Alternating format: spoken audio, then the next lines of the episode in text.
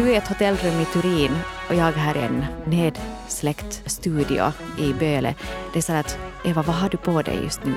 Hör du, jag har världens svettigaste Jezebel t-skjorta på mig. Okej. Så jag vet inte, den, luk, den luktar inte så gott och den luddar på allting. Men, men det här, kanske nu någon går igång på det också så per favore bara om, om, det, om det duger. Hello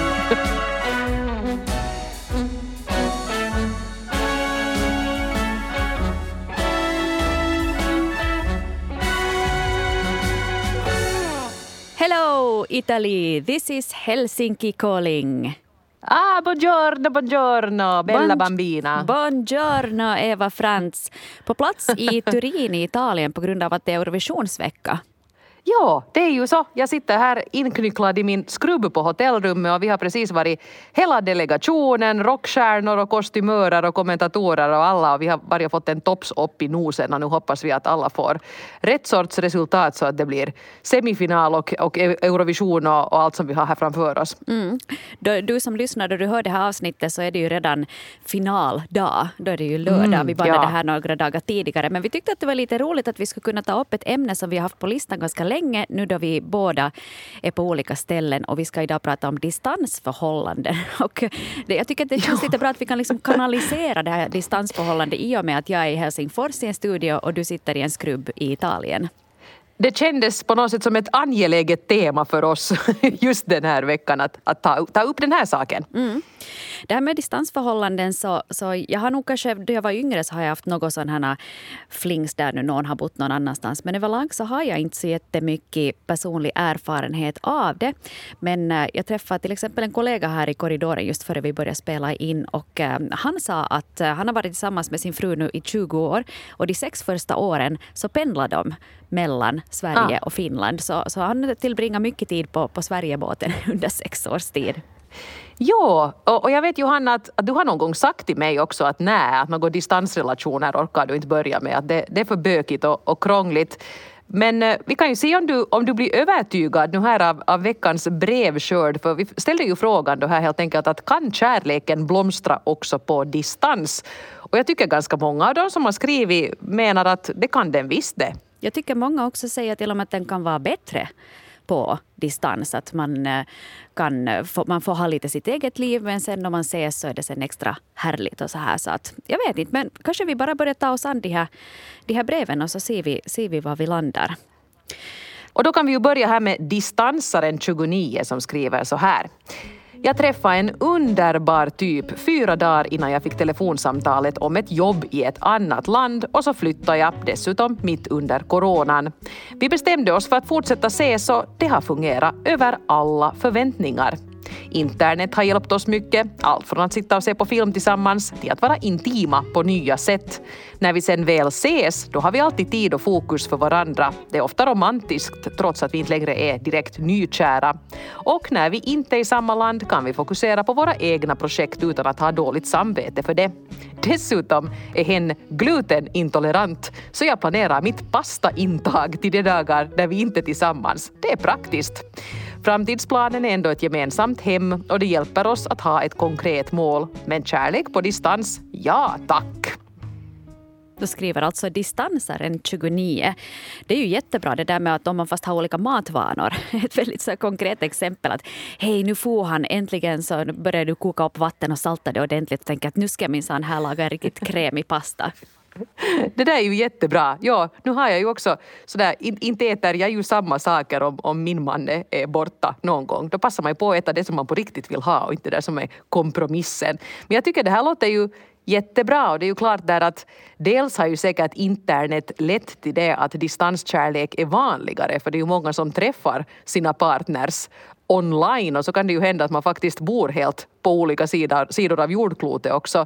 Så att man kanske har en större, en större radie när man söker efter kärleken. Men sen också att internet kan un, underlätta kommunikationen och, och umgänget. Att man inte nödvändigtvis ens behöver vara i närheten av varandra för att vara nära. Liksom. Ja, jag tror just det här med att man kan ringa sådana videosamtal, så det har ju nog gjort att man kan vara väldigt liksom närvarande i en annans vardag på ett helt annat sätt. Att nu är det en annan sak också om du ser personen i fråga. På gott och ont liksom. Absolut. Absolut. Om man har kammat sig då älsklingen ringer. Ja. Uh, Våga prova 33 år har också uh, håller med om det här med att, att det nog kan blomstra på distans. Skriver så här. Ja, kärleken kan blomstra på distans. Jag och min långvariga pojkvän bodde i olika länder på grund av arbete och vi besökte varandra med cirka en och ibland två månaders mellanrum. Däremot så talade vi i telefon så gott som dagligen och skrev ibland brev till varandra, lite som små söta kärleksbrev. Distanstiden tog cirka två år och när vi åter kunde vara på samma ort fortsatte vi livet tillsammans i vårt gemensamma hem. Den här tiden så förstärkte bandet mellan oss och vi har ett gott och stadigt förhållande. Mm. Våga prova, skrev jag på det här sättet. Och, och jag tycker det där är en bra poäng att det kan ju hända att man lätt dömer ut en relation på förhand. Att man är sådär att nej, men kanske det är bäst att vi bara gör slut nu då för att inte orkar vi ju fortsätta så här på distans. Men tydligen kanske det ändå skulle vara värt ett försök. Att det kan ju hända att den där vardagen löper på riktigt bra fast man var skeptisk. Ja, och det här tror jag också att det kan vara, det var också tror jag Jasmine som hade skrivit i vår Facebookgrupp, så hon skrev just om det här med att, att om man vet att det finns ett slut på den där distanstiden. Så då går det lättare att om man vet att okej okay, det här är nu ett halvt år eller man vet att det här är ett år. Att det finns liksom en, en, liksom en slutdestination för det där distansförhållandet. Så, så det tycker jag att, att det är en ganska bra poäng för då, har man liksom, då är man liksom inställd på det. Sen är det annat att om du, eh, om jag skulle nu fast hitta då en pojkvän i ett annat land, att ingen av oss egentligen kan flytta. Att finns det då någon framtid? Att, att det kanske tycker jag är lite svårare. Men att om det finns möjligheten att kunna umgås mera inom en närmare framtid så, så är det ju kanske inte helt omöjligt. Ja precis som här vår första brevskrivare skrev att de har ändå det där målet att de en gång ska bo ihop och, och då kan de enas kring det. Så säkert ja, värt, värt att, att sätta upp den där planen att no, vi har nu det så här nu men var, var vill vi vara om fem år? Mm, precis. Sen finns det ju också Eh, brevskrivare som tycker att man inte alls behöver ha några planer på att eh, flytta ihop. Eh, signaturen Gay44 skriver så här. För cirka fem månader sedan så träffade jag en ny i vårt västra grannland och vi har träffats ungefär en gång i månaden. Men jag har ingen tanke på att jag skulle vilja flytta till ett annat land. Jag har för mycket trevligt här där jag bor och hundarna som jag inte vill lämna. När vi sen ses så är det lite filis som att träffas för första gången och det blir jättemånga skojiga saker. Lite som en minisemester. Inte för att tala om närheten och lite roligt i sänghalmen också. Och man lever gott och väl på det här en månad. Semestern har vi redan klurat ut och det känns trevligt att vi kan ha hela fyra veckor tillsammans om vi vill så. Och det här är det bästa av två världar, att vara tillsammans och ändå vara lite singel. Skriver Gay44. Mm, det låter ju jättebra. Jag tror inte kanske det där upplägget är för alla för har man ens lite en tendens att bli svartsjuk och här och, och de här verkar ju till och med ha kanske någon sorts jag, jag läser lite mellan raderna här att de har någon sorts öppen relation. Att det inte är så där att man nödvändigtvis måste hålla sig till den här ena distanspartnern utan man faktiskt får vara lite singel däremellanåt. Ja. Om man tycker att det funkar för en så, så varför inte? Ja, det kan jag ännu lägga till här att den här personen skrev också att uh, hen har varit gift tidigare och att det här känns som ett ganska mm. avslappnat upplägg jämfört med att man har varit uh, kanske lite mer sådär instängd i ett äktenskap. Att nej men vet du, jag gör det här och så träffas vi nu och då och det är lite som en minisemester och, och alla vinner man hinner ju inte bli trött på den där andra heller. Först kommer man lite och längtar och säger att oj vad roligt, att vad ska vi allt hitta på på helgen? Och så är det jättehärligt och så skiljs man åt och, och lever liksom på ångorna av det där mm. stimiga veckoslutet man hade tillsammans och, och längtar igen. Jag tycker det låter ju toppen det här. Mm.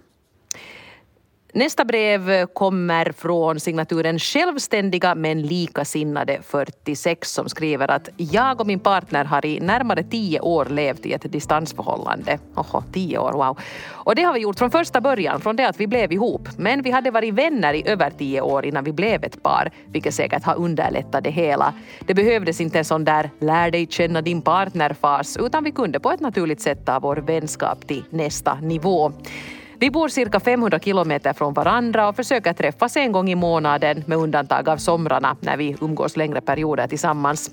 Vi har valt den här livsstilen på grund av våra yrken. Min partner har dessutom ett yrke som är mycket krävande, främst mentalt, så hen uppskattar tiden som hen kan tillbringa för sig själv och vila upp sig i lugn och ro utan någon i knutarna som kräver uppmärksamhet.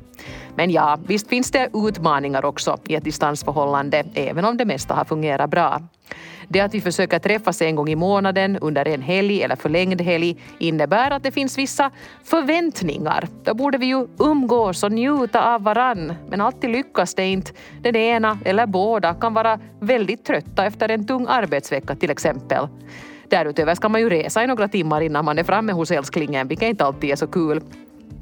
Ibland händer det att helgen tillsammans förlöper i form av en gemensam vila och sömn. Ibland är helgen fylld av febril gemensam aktivitet när den ena och andra saken ska fixas och ordnas och det resulterar sen i att vi är helt slut när vi väl återvänder hem.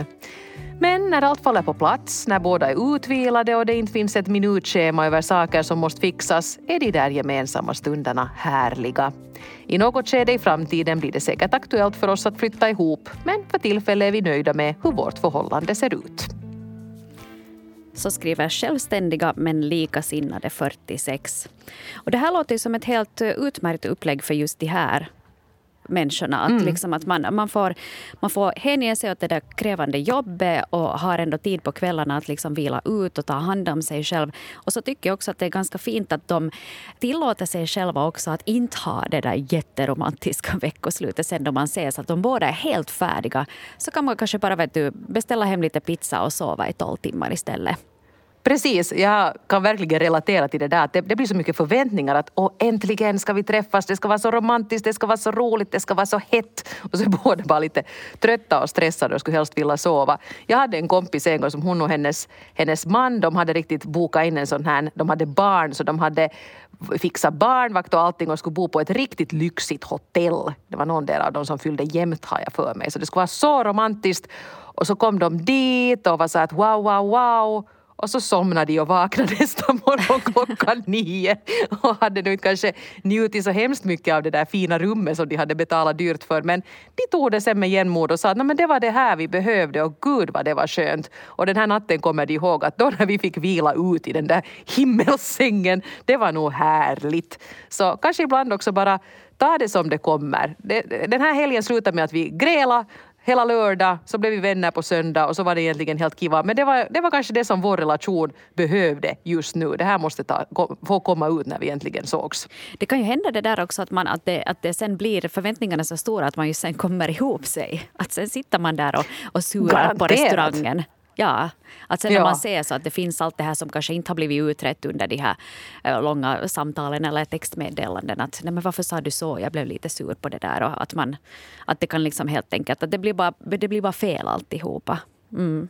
Ja men det här med att vara sura på varandra och lite irriterade, det hör ju också till en relation. Och också de på distans måste ju få gräla lite. Jag menar, det måste också göras för att man sen ska kunna försonas och, och komma vidare. Så jag tror att man bara måste måste ta det för vad det är. Ibland blir veckoslutet en riktig flopp men det kanske i det långa loppet till och med stärker den där relationen. Mm. En sak som jag också la märke till här i det här brevet var det att de hade varit vänner i tio år före de sen blev ihop. Och det kanske också ja. underlättar lite till det att man har ett ganska avslappnat förhållande till varandra. Att man just kan säga som det är och man kan vila om man är trött och så här. Att, att man behöver inte lära känna varandra. För att jag tror att det skulle kanske vara svårare om man först ska lära känna varandra över nätet. Man kanske börjar med att chatta och så kanske man ringer lite och sen liksom börjar träffas. Att då, det, är liksom en, det är mycket längre startbana på det. Att här visste de ju redan var de hade varandra och visste det här, allt det här, liksom det mesta om varandra. Så att, att då kanske det är lättare också att vara på distans.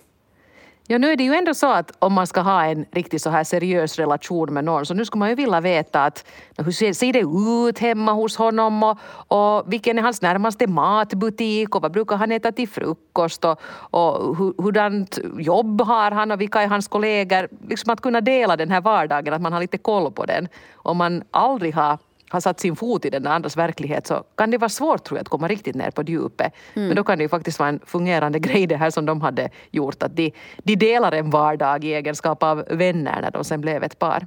Ja, ja.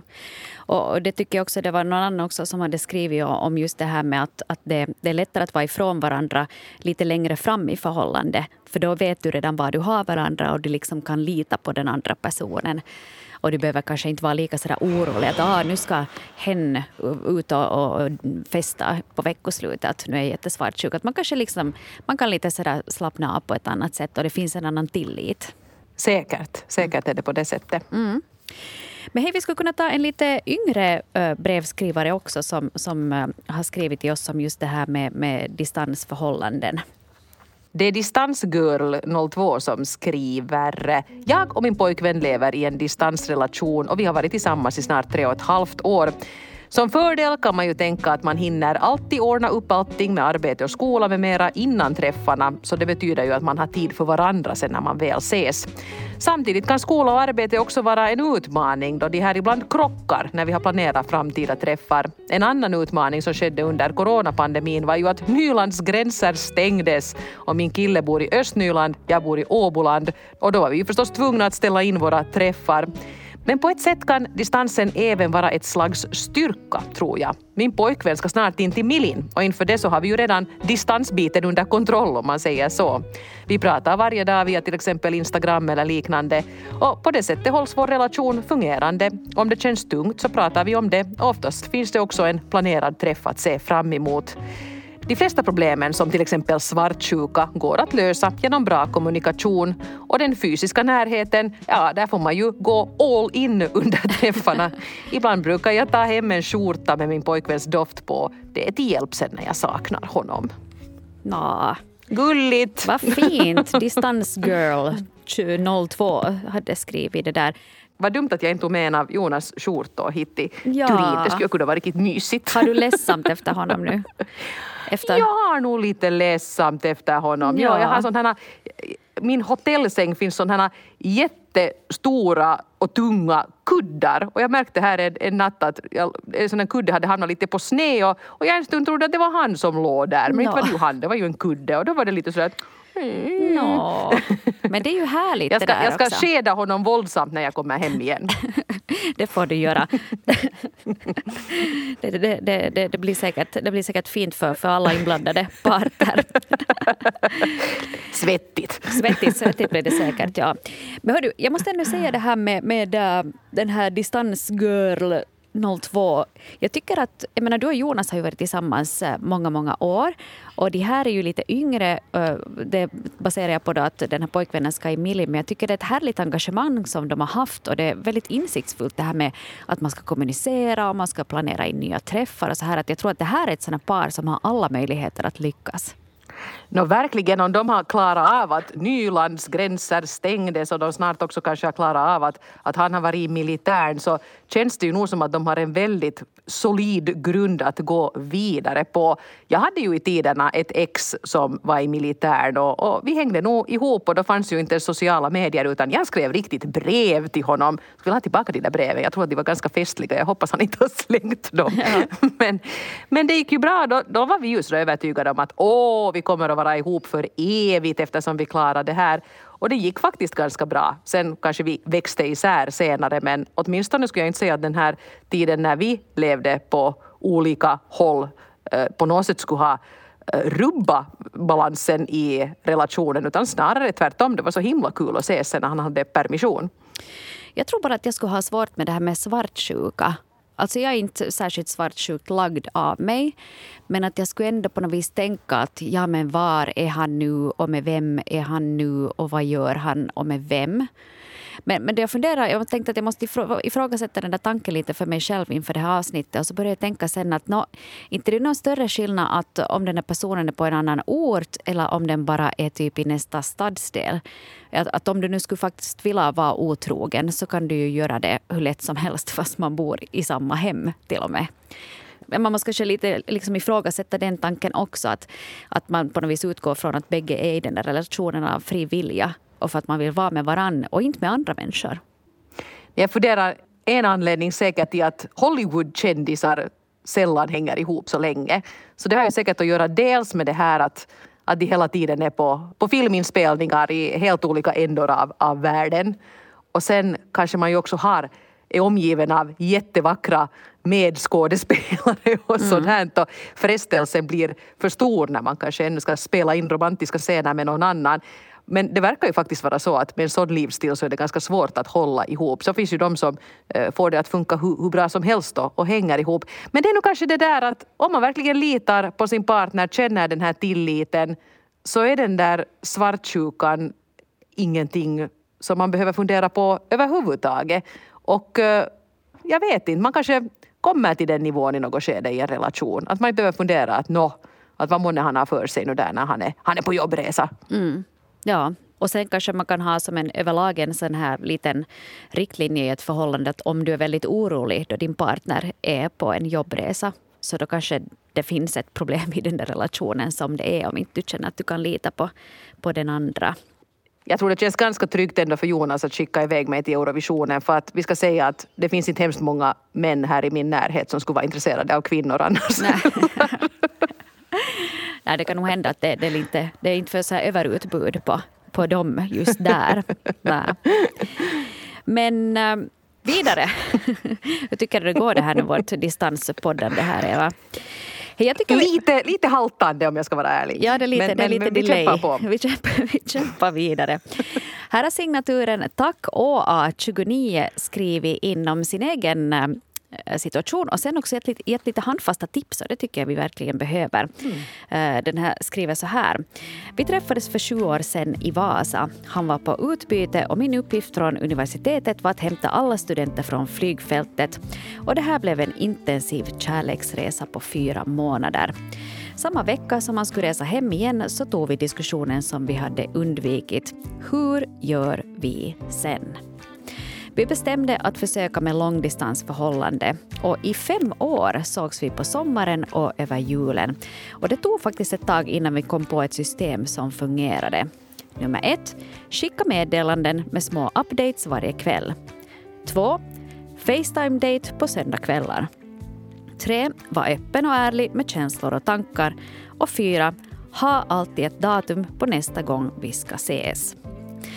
Det är viktigt att inse att vi båda lever olika liv och att vi egentligen inte är en del av varandras. Och det här kanske låter lite hårt, men det var inte relevant att varje dag berätta alla detaljer som har hänt under dagen. Och jag behövde alltid ett par dagar att akklimatisera mig när vi sågs igen. Min partner ville då alltid vara väldigt nära fysiskt och hade höga förväntningar på intensiva diskussioner och fysisk kontakt. Medan jag behövde tid att bli lite van med närhet och att ge någon all min uppmärksamhet. Nu har vi bott tre år tillsammans i min partners hemland och vi ska gifta oss i sommar. Ingen relation är perfekt, varken på distans eller varje kväll tillsammans i samma säng. Tack ÅA29. Med ÅA så tänker jag att det är säkert Åbo Akademi. Är inte här Finlands, eh, Svensk-Finlands största äktenskapsförmedling? brukar det väl också kallas. Det är väl lite så. Det är väl lite så.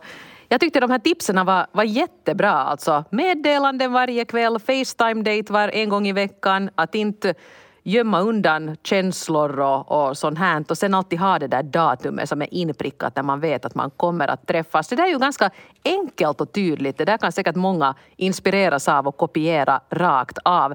Jag tycker det här också var intressant som Tack OA skrev här att, att de hade liksom lite olika förväntningar på den där träffen och det där kan jag ju bra förstå att om den ena tycker att åh vad det ska bli mysigt att, att kramas och och kanske bara lite tassa omkring och den andra är sådär att ja, vi ska slita kläderna av varandra redan i tamburen så blir, mm. det, så blir det fel. Men att man, man kanske förstår att, att vi ändå sådär i princip vill detsamma med den här helgen men vi måste bara på något sätt komma i synk. Ja, jag skulle kunna tänka mig det där att man är lite sådär blyg i början. Att om inte man har setts då sen sommaren och nu är det jul och, och det ska bli och nu är det jul igen och, och, och det här köret så, så kan jag tänka mig att jag skulle vara lite blyg och kanske lite nervös också och spänd. Att det kanske inte är så där bara att, att man kan fortsätta där man, där man liksom lämnade senast. Exakt ja, men då, säkert de här tycks ju verkligen ha fått det, fått det utklurat hur de skulle göra. Men säkert också ganska bra att prata om det där. Att, vet du vad, att jag, jag, jag, att jag vill jättegärna till exempel ha sex i något skede under den här helgen när vi träffas. Men kanske inte genast för jag måste liksom på något sätt lite landa först. Mm. Och så här. Att säga det rakt ut så att den andra förstår. Ja, eller vad sa att inget sex idag. Att kanske imorgon ja. sen. Så, så är det liksom avklarat. Då kan man kom, liksom På julaftons morgon, då blir det åka av. ja, när julaftons morgon glimmar, eller dagen. Ja. ja. Men då har man alltid ätit så mycket, det är inte riktigt optimalt. Nej, det är inte, det är inte kanske det bästa. Inte, Åh, oh, ska vi bara ligga här? Oh. Mm. Så kan det bli. Så kan det bli. Ja, men ska vi kanske försöka få med ett brev här ännu? Signaturen Flytta 2500 kilometer för kärleken har skrivit så här. Vi hade ett distansförhållande i fem år. Vi sågs fyra gånger per år på sommaren, hösten, julen och påsken. Det var alltid semester när vi sågs. Vi delade alltså egentligen ingen vardag. Och som alla andra lever man ju ett helt annat liv på semestern. Man gör av med mera pengar, man går på restaurang, man sover länge, man går senare och lägger sig om kvällarna etc. Så det här var ju mera som en fem år lång semesterromans. Problemen kom sen när vi sågs och en av oss inte hade semester. Till exempel om han kom till mig på hösten och jag måste arbeta helt som vanligt. Han hade ju helt fel förväntningar då. Han var liksom i semestermode och jag steg upp sex på morgonen, jobbade åtta timmar, var ganska trött på kvällen och så ville jag gå och lägga mig klockan elva. Liknande problem hade vi sen när vi flyttade ihop. Att gå från en långvarig semesterromans till att dela en tråkig vardag och det tog kanske ett halvår innan vi fick ner våra förväntningar till det som är en normal relation. Idag har vi bott tillsammans i fyra år och varje vecka på fredagar har vi minisemester. Då går vi i semestermode. Vi gör något lite extra som man inte skulle göra en vanlig grå tisdag. Det här för att komma ihåg vår tid på distans och för att hålla relationen spännande. Alltså folk är så smarta. Vi har det världens smartaste lyssnare. Det här var så smart. så fiffigt. Och jag, och jag, tycker jag fick så många liksom tankar av det här. Just, att, just det här med att då man ses, om det är ett distansförhållande, så är det alltid fest. Att det är så enkelt att ja. ha roligt och det är fest. Och, och det är kanske sena kvällar och restaurang och vet du, man gör en massa kul grejer och dricker vin och är uppe sent och sånt här. Och sen, sen är det inte samma då vet du, klockan ringer sex på morgonen en vanlig tisdag. Att man, att man kanske liksom, man har, man har haft på något vis en fel typ av relation. Vet, att man har haft den där roliga relationen och sen kanske det inte håller för den där tråkiga vardagen heller. Nej, precis. Och det, och det här, men sen ändå att på något sätt försöka ta med det här till den grå vardagen. Det var ju briljant det här att vi har semester varje fredag och då är man sådär oh, Tiki-baren har öppnat. Eller vad man nu tycker. Att, att man kanske har lite planer för helgen att åh, vi ska gå på museum och så ska vi dricka Aperol på en bar eller vad man nu tycker att det här, det här är det som, som vi gjorde då i tiden. Alltså det här ska vi liksom återkomma till en gång i veckan. Mm. Så smart! Och det där tycker jag att man skulle kunna äh, ta som ett tips till andra förhållanden också. Att fast man inte har haft då ett sånt här semesterförhållande tidigare. Jag tycker det där är lysande för parförhållanden. Att ha en minisemester en gång i veckan. Mm. Då man gör någonting som är kul och någonting som båda tycker om. Ja, om man har barn så säger man att nej tyvärr att mamma och pappa är på flygplansläge så att vi är inte anträffbara här. Gå och lägg er. Ja, precis. Jätte, jättebra idé. Det där tycker jag att vi alla kan ta med oss faktiskt. Och inte behöver man ens vara i ett förhållande. Du kan ju pigga upp ditt eget liv också fast du lever ensam med att ha det fast att på fredag så är det minisemester och då, får, då är tiki-baren öppen. Och, och, då gör du någonting ja. som är kul. Liksom, för att få lite struktur och kanske någonting att se fram emot också under, under långa och speciellt under tunga veckor och så här. Så jättebra idé. Mm. Nu går jag ut på bakgården och solar topless en stund. Ja. Det är semester. Ja. Det är ingen skillnad fast det är februari. Vill man bli brun så vill man. Är det semester fredag så är det. ja, precis. Upp med tröjan. Hej men hörni, det här var ju härligt och det var lärorikt och många fina tips där. Och jag tycker det var en bra övning Eva också för dig och mig i vår relation. Att vi fick öva oss lite på mm. det här med att, att inte se varandra och att göra dem. Vi har gjort dem tidigare också, de här distanspoddarna när någon har varit sjuk eller i karantän så har alltid någon av oss suttit i skrubben med jämna mellanrum. Men, men det kändes på något vis härligt nu då, då, då vi kunde göra det här. Du är i ett hotellrum i Turin och jag här i en nedsläckt äh, studio i Böle. Det är så att Eva, vad har du på dig just nu? är sånt som man brukar fråga om man har, har distansförhållanden. Jag har, hör du, jag har världens svettigaste Jezebel t-skörta på mig. Okay. Jag vet inte, den, luk, den, luktar inte så gott och den luddar på allting. Men, men det här, kanske nu någon går igång på det också så per favore bara om, om, det, om det duger. Mm. Eva, sköt om dig där i Italien och du får ta och njuta för oss alla under de dagar som du har kvar där. Och så, så ser vi och hör dig igen nästa vecka här i Hemsoporna. Ja, vad trevligt. Nästa vecka då ska vi vara på samma adress igen. Vi ska se vad som händer. Det, det, blir, det blir spännande. Det är Eurovisions final ikväll om du hör det här nu i Vega eller lyssnar på podden på lördag. Och, oh, oh vad spännande det ska bli. Ja. Sen kommer jag hem. Ja, Härligt. Det ska bli skönt det också. Det ser vi fram emot, både finalen och att du kommer hem. Arrivederci, Bella. Arrivederci! Ciao! Ciao!